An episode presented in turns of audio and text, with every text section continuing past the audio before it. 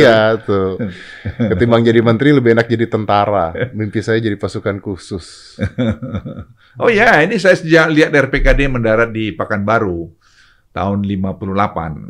Waktu itu melebur lapangan terbang Simpang 3. Itu sebabnya saya pengen loreng ini. Tapi loreng dia yang pakai dulu loreng yang bulat-bulat kecil. Hmm, Terus saya bilang saya harus masuk uh, pasukan khusus RPKD ya, waktu itu. Dan di, di mimpi saya, saya mau bikin pasukan elit sendiri gitu. Kejadian Oh. apa? Nah kejadian Gultor itu saya yang bikin. Ya.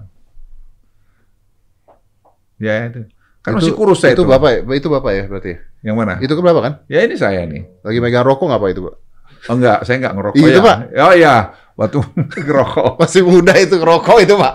Sampai kapten saya ngerokok. Itu letnan satu. Ya. Sampai kapten. Iya. Tapi saya ber, Berhentinya kenapa? berhenti merokok ya karena tim-tim. Ah, Iya, urusan Ya karena, karena di operasi tim-tim saya bilang nggak boleh merokok. karena